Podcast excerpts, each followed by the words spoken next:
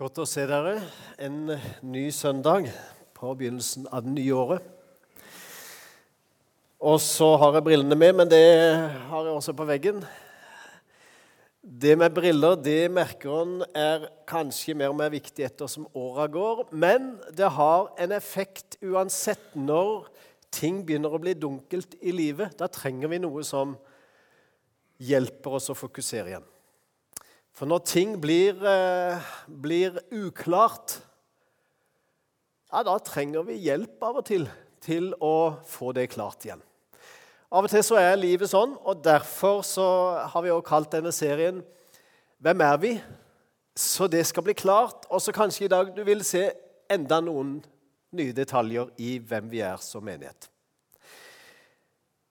Um, vi skal begynne med å lese det som ble lest sist gang. Um, fra den første menighetstid. Og Der leser vi det sånn. De holdt seg trofast til apostlenes lære og fellesskapet, til brødsbrytelsen og bønnene. Hver og en ble grepet av ærefrykt, og mange under og tegn ble gjort av apostlene. Alle de troende holdt sammen og hadde alt felles. De solgte eiendommene sine og det de ellers eide, og delte ut til alle etter hvert som hver enkelt trengte det. Hver dag holdt de seg trofast til på tempelplassen, og hjemmene brøt de brødet og spiste sammen med oppriktig og kjærlig, hjertelig glede. De sang og lovpriste Gud og var godt likt av hele folket, og hver dag så la Herren nye til menigheten, eller la Herren til nye som lot seg frelse, som det står i denne oversettelsen. Dette er noe av eh, si, essensen ved menighet, og hvordan det så ut i begynnelsen. Um, vi har disse fire tingene som vi vil sette fokus på. Tilbedelse, lære, eh, vitnesbyrd og tjeneste.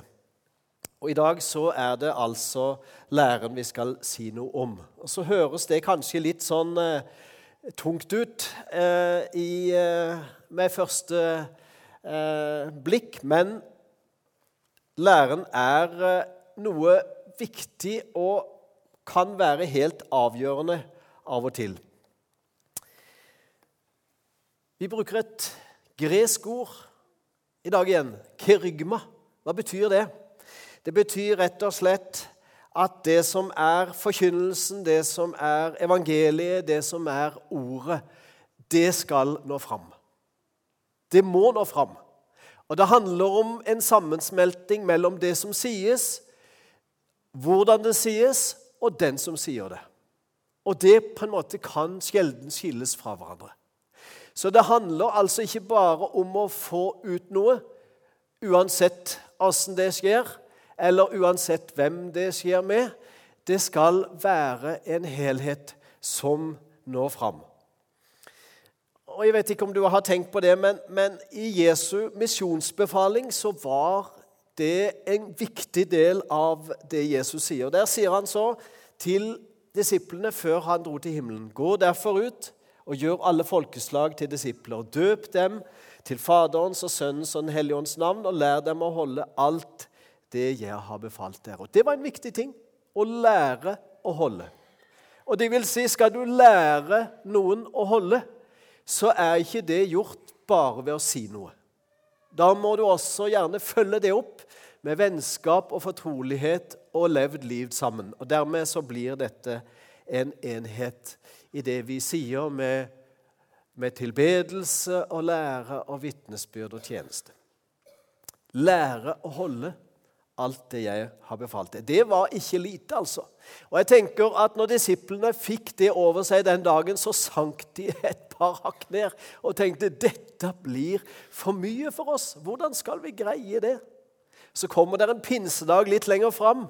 Så kommer det en utrustning, og så kommer det en ny frimodighet. Slik at de faktisk Det var det de brukte resten av sitt liv til. Men vi kan ikke gjøre det uten Guds hjelp. Men det er altså hovedoppdraget for Jesus. Lære å holde alt jeg har befalt dere. Og så er det en diskusjon av og til. Og vi hadde den i Afrika, og vi den har hatt den nesten overalt. Skal vi døpe først og så lære, eller skal vi lære og så døpe? Eller hvordan skal vi gjøre det der og der? Det var noen som sa veldig tydelig nei, vi må, vi må vite at de som har hørt, og de som har tatt imot, de må vite hva de tror på, før de blir døpt. De må stå på fast grunn. Få de inn i en skoleklasse holdt på å si, og la de gå et år. Sånn eh, brukte vi gjerne på sydlige breddegrader. Så gikk de en stund, og så kunne de døpes. Mens den andre sa nei. Vi døper med en gang, og så tar vi opplæringa deretter. Og Jeg tror ikke at Jesus ga oss noen veldig sånn eh, fast ting for det. Hvis vi leser den teksten ut ifra grunntekstens ord på gresk, så står det at vi skal gjøre alle folkeslag til disipler i det vi døper, i det vi lærer. Døpende, lærende. Så det kommer liksom holdt på å si nesten hulter til bulter, men det kommer etter det, og som en viktig ting i det å gjøre disipler. Så nå har jeg prøvd og sagt noe på en veldig vanskelig måte. Men jeg håper du forstår det å lære å holde er viktig. Alt det jeg har befalt dere, sa Jesus. Hvordan var så Jesu egen undervisning på det feltet? Ja, Vi kunne ha lest mye her, men la oss se på ett skriftsted. Fra Matteus kapittel 4, eh, vers 23.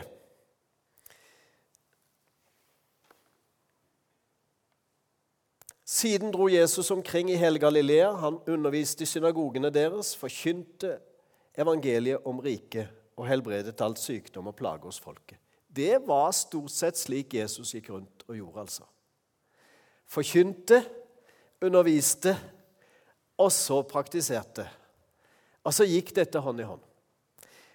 Teori og praksis. Jesus kunne ikke være en teoretiker, og han kunne ikke bare være en praktiker. Han måtte være begge deler samtidig.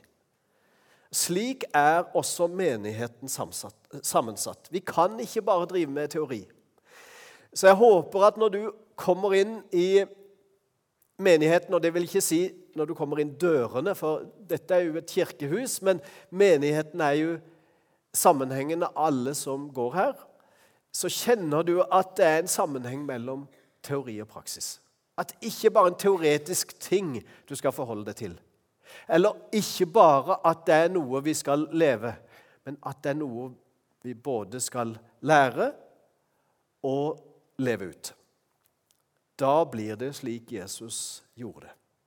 Hvis vi ser på Paulus sin undervisning fra 1. Korinterbrev, kapittel 2, så står det sånn Da jeg kom til dere søsken, var det ikke med fremragende talekunst eller visdom jeg forkynte Guds mysterium, for jeg hadde bestemt at jeg ikke ville vite noe av noe annet hos dere enn Jesus Kristus og Han korsfestet. Og så smalner altså Paulus det inn, eller fokuserer det enda mer. Det handler om Jesus, og det handler om korset. Derfor syns jeg det var fint vi kunne begynne gudstjeneste i dag med sang om korset, sang om at Jesus har vunnet seier på korset. Derfor tror jeg at korset er umåtelig viktig i den kristne tro. Ja, jeg vil si at derfor har vi det vi har, opp på veggen her og frampå veggen på yttersida. Korset står helt sentralt. Så undervisningen både hos Jesus og hos Paulus hadde en klar retning og klart innhold. Ordet om korset var helt avgjørende å få fram. Paulus hadde jo da tingene bak seg. Han visste om at Jesus døde på korset. Jesus hadde det foran seg. Jesus skulle dø på korset. Og Allikevel så ser vi at evangeliet var det samme. Det hadde en retning, og det hadde et klart innhold. Ordet fikk spirekraft, og det måtte skape forvandling i menneskers liv. Ellers så gjorde det ikke det det var satt til. Så når vi forkynner evangeliet, eller når vi gir det videre i vitnesbyrd eller undervisning eller tale eller levd liv, så er det sendt for at det skal gjøre en, skal gjøre en forskjell. Og hvis det ikke gjør en forskjell, så har det på en måte ikke nådd fram der det skulle. Derfor er det viktig med bønn, tror jeg. Å be om at det som formidles, det som kommuniseres, det når hjertene slik at det får sin effekt. Og så kan vi som mennesker stenge hjertene igjen. Det er klart vi kan det. Og lukke til så det preller av oss, så det går forbi oss. Og slik ser vi historien hvis vi leser denne boka, Israels historie. Av og til så lukka de seg til, og så gikk det gode rett forbi dem. Så mista de taket på livet. Så mista de Guds velsignelse. Så mista de håpet. Og så begynte problemene. Så begynte vanskelighetene, og så begynte det håpløse. Og så vendte de seg til Gud igjen og åpna seg opp. Og så begynte ting å skje på en annen måte. Jeg tror fortsatt det er sånn. I hvert fall så sier Det nye testamentet at det fortsatt er sånn. Slik er Det gamle og Det nye testamentet ingen forskjell i. Håpet om at åpner vi oss for Gud, så kan det utroligste skje. Og så vil han at hjertet skal forvandles. Og Derfor noe av kjernepunktet jeg vil si i dag, det er ord om korset. Og Så kan du tenke at ja, dette er veldig enkelt, og dette er barnelærdom. Ja, jeg tror ikke at det fins noen light-versjon av ord om korset. Det fins bare en helhetlig lære om ord om korset. En helhetlig versjon om det med korset. La oss se på de tre kors som sto på Golgata en gang. Hvem var det som hang der? Jo, det var tre dødsdømte. Det hadde de til felles.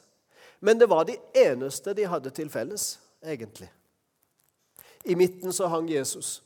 Han hadde ikke gjort noe som fortjente dødsstraff, så han skulle lide døden uforskyldt, ufortjent. På den ene sida han hang en røver. På den andre sida han hang også en røver, men de var òg helt forskjellige.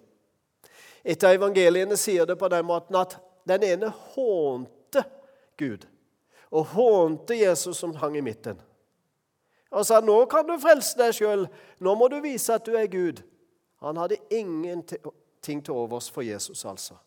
Til og med i den situasjonen så hadde han lukka hjertedøra til og hadde tatt opp en hard fasade og viste det fra seg. På den andre sida så henger en røver med akkurat samme dom, akkurat samme ille liv bak seg, men han hadde smelta ned i møte med Jesus. Og han snakka den andre til rette, til og med. Som sa 'Hvordan kan du si sånn, vi som skal dø her alle sammen?' Han har jo ikke gjort noen ting. Det har vi. Vi får som fortjent. Så vender han seg til Jesus, og kan du tenke på meg, Jesus, når du kommer i din herlighet? Han turte ikke å be om mer, og så fikk han en herlighet. Sannelig, da skal du være med meg i paradis. Og jeg vil si at disse tre korsene representerer hele den kristne lære. Hele bredden av menneskeheten egentlig befinner seg mellom disse ytterpunktene. Fra den som viser det fra seg, som ikke vil ha noe å gjøre med det, til den som ydmyk erkjenner sin ståsted og sin stilling og sier 'hjelp meg'. Til den som henger i midten og sier 'jeg skal gi dere evig liv', de som tror på meg. Ser du deg plassert på en av disse stedene? På en av disse sidene av Jesus? Jeg håper inderlig at du kjenner at du er i slekt med han som erkjenner det sånn som er, det er som erkjenner at Jesus er Gud, og jeg er ikke. Han har ikke gjort noe galt, jeg har gjort noe galt, og jeg trenger frelse. Og så vil Jesus også si til deg at du skal være med han i paradis en gang. Dette evangeliet, dypt og høyt og vidt og bredt. Hvis du på en måte ikke greier å finne det, så, så vil jeg si at eh, Stopp opp ved det igjen. Og Se på disse tre korsene. Se på disse tre personene som henger der. Les historien fra Det nye testamentet. Se forskjellene, og plasser deg inn i det bildet. Der har du evangeliet på det dypeste ordet om korset. Den harde, han dør i sin synd. Den ydmyke, han dør fra sin synd. Den syndfrie, han dør for alles synd. Men de dør alle tre. Men Jesus står opp igjen. Og Jesus har sagt at vi skal alle stå opp en gang. Den ene til evig herlighet. Du skal være med meg i paradis. Den andre til dom. Så på disse tre personene og disse tre korsene fins all menneskelig liv fra pluss til minus. Og Jesus midt imellom. Og Her ligger forkynnelsen og lærens bredde og dypeste innhold. Og Det håper jeg du kjenner at det er det som vi ønsker at denne menigheten skal stå for. Og Dette understreker vi ofte, minst én gang i måneden, i nattvær. En handling der vi sier at vi minnes Jesu død, hans kropp, hans blod, som ble gitt for oss. Og Så gjør vi det veldig praktisk som Jesus sa vi skulle gjøre det. For han sa det til disiplene. Nå må dere fortsette å gjøre det helt til jeg kommer igjen. Og Jesus har ikke kommet igjen enda, og Derfor fortsetter vi helt til han kommer igjen. Det har vi en god tradisjon for. Så er det noe som ligner på oss veldig praktisk, og den første menighet, og menigheter gjennom alle tider og alle generasjoner, så er det nattverden. Minne om Jesu død for oss.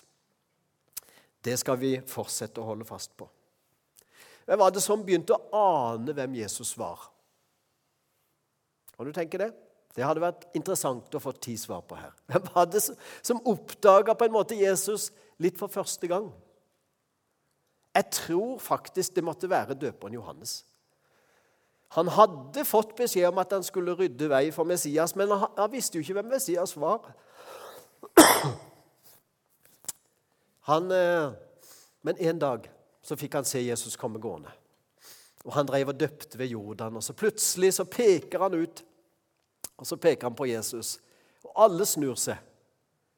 Og Så sier Johannes, 'Se der, Guds lam, som bærer verdens synd'. Jeg tror han var den første som begynte å oppdage hvem Jesus var. Bærer verdens synd. Som skulle føre han helt til korset. Paulus han oppdaga dette veldig tydelig etter hvert. Og Derfor skriver han et sted til en av menighetene at jeg har malt Kristus for deres øyne. Liksom det, det, var ikke nok med å si noen ord. Han har understreka det i det vide og det bredde med fakter, med ord, kanskje med tegninger, hva vet jeg.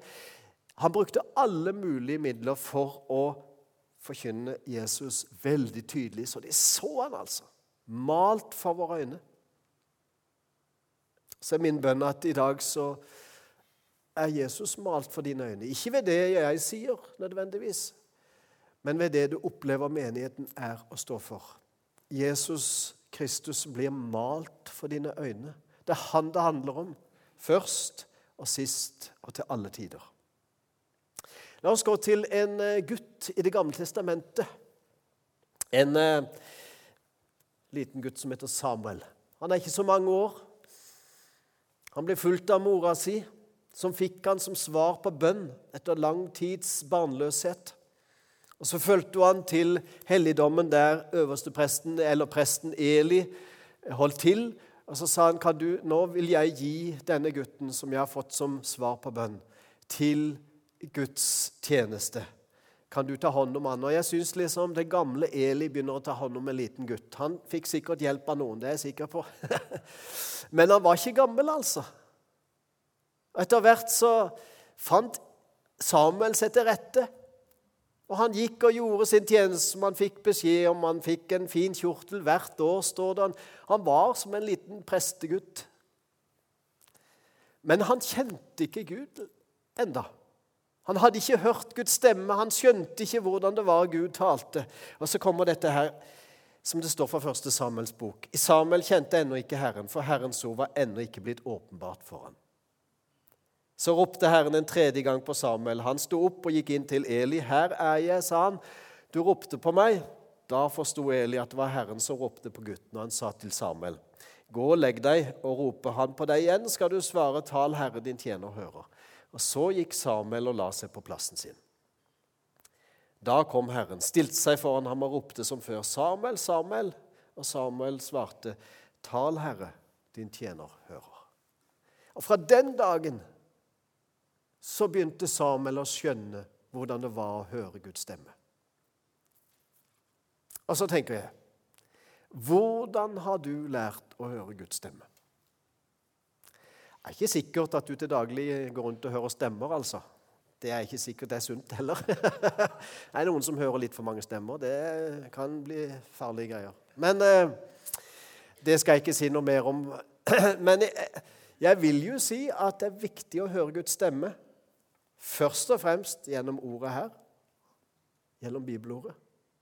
Derfor er det ikke sånn at har du lest det en gang, så kan du det. Eller har du hørt det en gang, så skjønner du det. Her er det ny, på ny og på ny. Kan du bruke det samme ordet, så åpenbarer det seg, så åpner det seg på helt på nytt, slik du aldri har sett det før. Slik du aldri har hørt noen si det før. Så viser Jesus seg for deg på nytt gjennom sitt ord. Han kan selvfølgelig tale til det direkte òg. Jeg har opplevd det noen få ganger i livet, men jeg sier noen få. Nå er jeg over 60. Så det er ikke sikkert at du vil høre Guds stemme høyt, men du vil garantert høre Guds stemme gjennom Hans ord. Det er Den hellige ånd for åpenbare Skriften for oss. Samuel, den lille gutten, han begynte å høre den da han var liten. Han hadde ikke så mye Ja, det var kanskje noen bokruller de begynte å ha, men, men han hadde ikke så mye der. Eh, de hadde noen profetbøker og de hadde noen skrifter osv., men David hadde ikke skrevet sine salmer enda, for David hadde ikke vært konge. Det var Samuel som skulle salve David til konge når Samuel ble gammel. Så David hadde ikke skrevet noe. Det fantes ikke skrifter og salmer ennå. Det fantes noe, kanskje noen nedskrevne historier fra Moses. Eller noen eh, profeter som var påbegynt. Men så Samuel var avhengig av å høre Guds stemme direkte.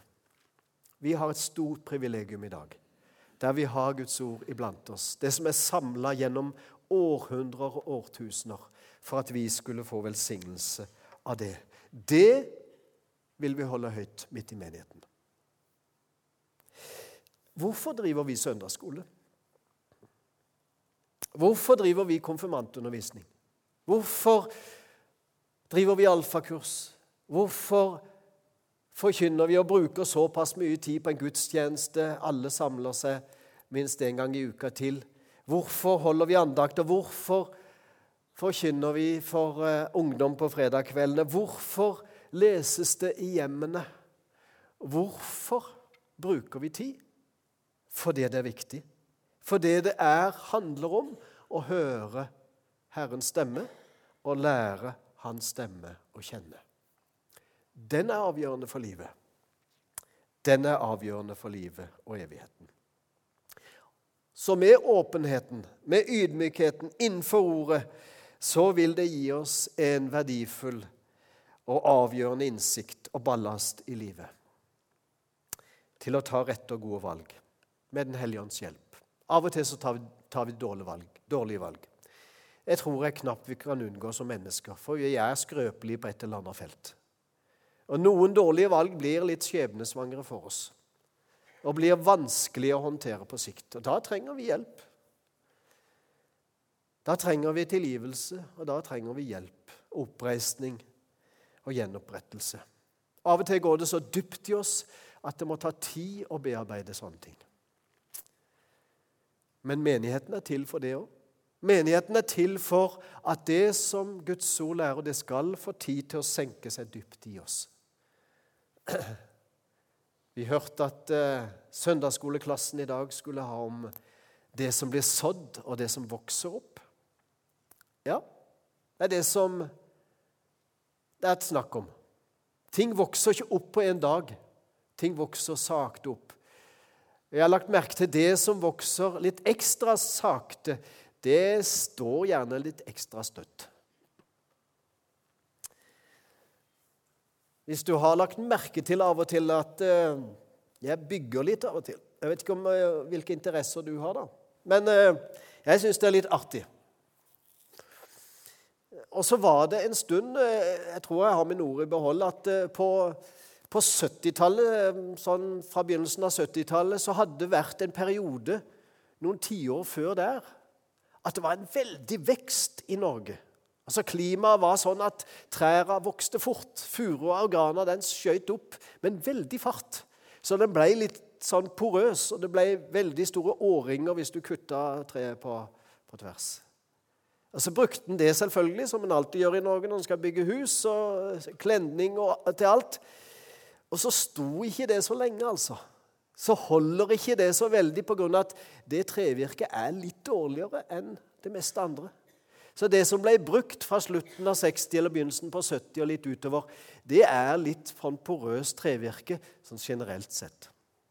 Selvfølgelig kan det være noe som har ligget lenge og tørka godt. Men eh, jeg husker vi bygde hus hjemme eh, når jeg vokste opp. Bygde i 71. Det var Venneslahus, systemhus, og snekkerne kom og spikra det opp. Det var ikke så mange åra før det, klenningen begynte å råtne. Altså. Det var dårlig både her og der, og vi måtte skifte mye. Og Da sa de det til Ja, kvaliteten på tømmeret akkurat i disse åra, det, det, er ikke veldig bra, altså. Av en eller annen grunn. Men når treet får vokse sakte og sikkert, det blir tette årringer, så står det støtt. Og Når du bruker det som kledning eller til virke av en eller annen slag, så, så, holder det lang tid. Så er det kraftig. Så er ikke jeg ekspert på verken tre eller andre. Her sitter det byggmester i salen som kan mye mer om det enn meg. Men jeg har lært så mye at det som vokser sakte og kraft, det blir sterkt, altså. Og det står støtt, og det holder lenge. Hvordan er det med evangeliet? Gutten Samuel, som fikk det helt fra barnsbena. Han sto sterkt. Han ble en av de beste dommerne og profetene i Israel. Han fikk salve de to første kongene i Israel til tjeneste, som fikk bety veldig mye. Og han fikk følge de gjennom mange, mange år. På grunn av, tror jeg, at han var villig til å si, 'Tal, Herre, din tjener hører.' Fra nå av så vil jeg lære din stemme å kjenne.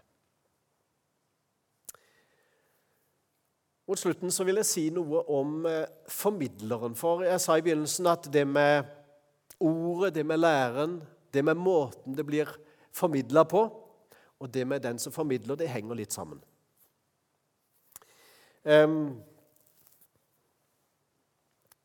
den som bærer ting fram, Nå sier ikke det nødvendigvis eh, pastoren på en søndag formiddag, men det kan være i alle grupper og alle måter der vi formidler evangeliet i en eller annen form.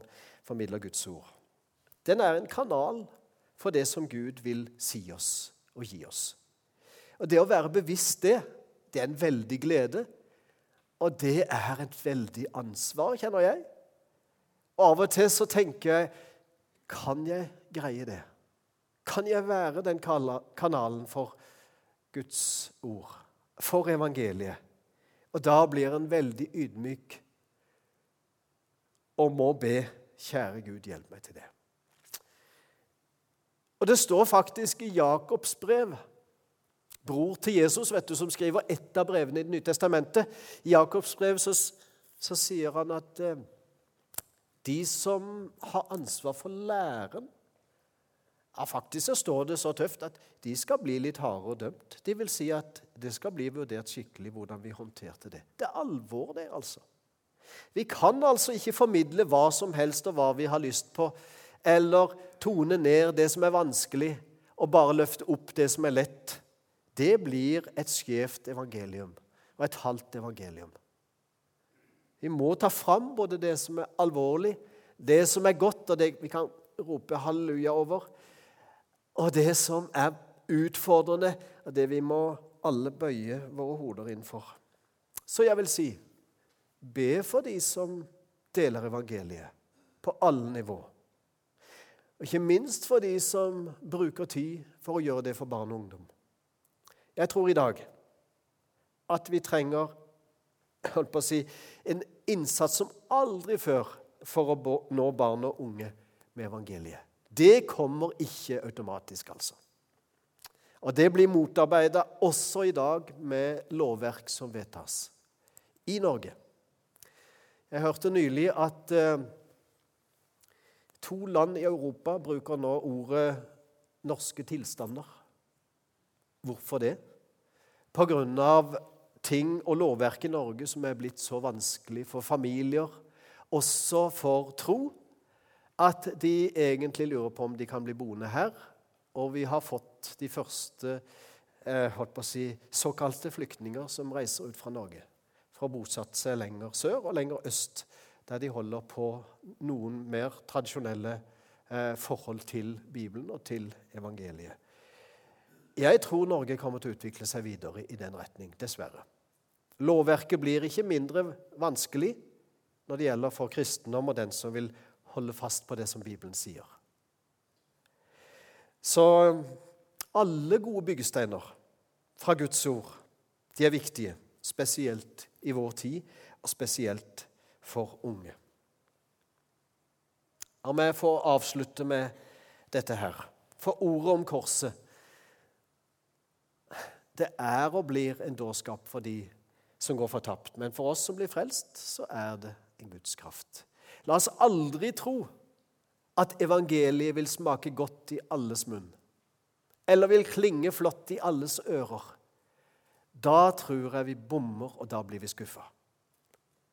Men la oss fortsette å være en menighet som holder evangeliet høyt, som holder ordet om korset i sentrum, og forkynner det dypt og høyt og vidt og bredt for kropp og sjel og ånd. Amen. Herre Jesus, takk for at du er en Gud som er god. Du vil oss det beste. Takk for at det ikke fins noen annen vei til deg og til himmelen enn via evangeliet og troen på deg, Herre Jesus. Og takk for at vi må se hen til korset. Vi har ikke noe annet å se hen til. Der du ga alt for oss. Der du ordna opp med det som ikke vi kunne ordne opp med. Der vi kan si som synderen på den ene sida, 'Herre, tenk på meg'. Ja, vi har fått frimodighet til å si enda mer, Herre, ettersom vi har ditt ord. Takk for at vi kan holde fast på deg og ta imot deg, du som har gitt alt for oss. Jesus, bevar oss i din nærhet. Bevar evangeliet dypt planta i vår menighet. Så vi aldri må vike av fra den til den ene eller den andre sida. Aldri gjør ordet om korset til en light-versjon for de heldige, men at det er for ånd, sjel og kropp, slik som vårt liv er i dag, Herre. Du kommer oss i møte og har alt godt å tilby for dette og for det kommende. Amen.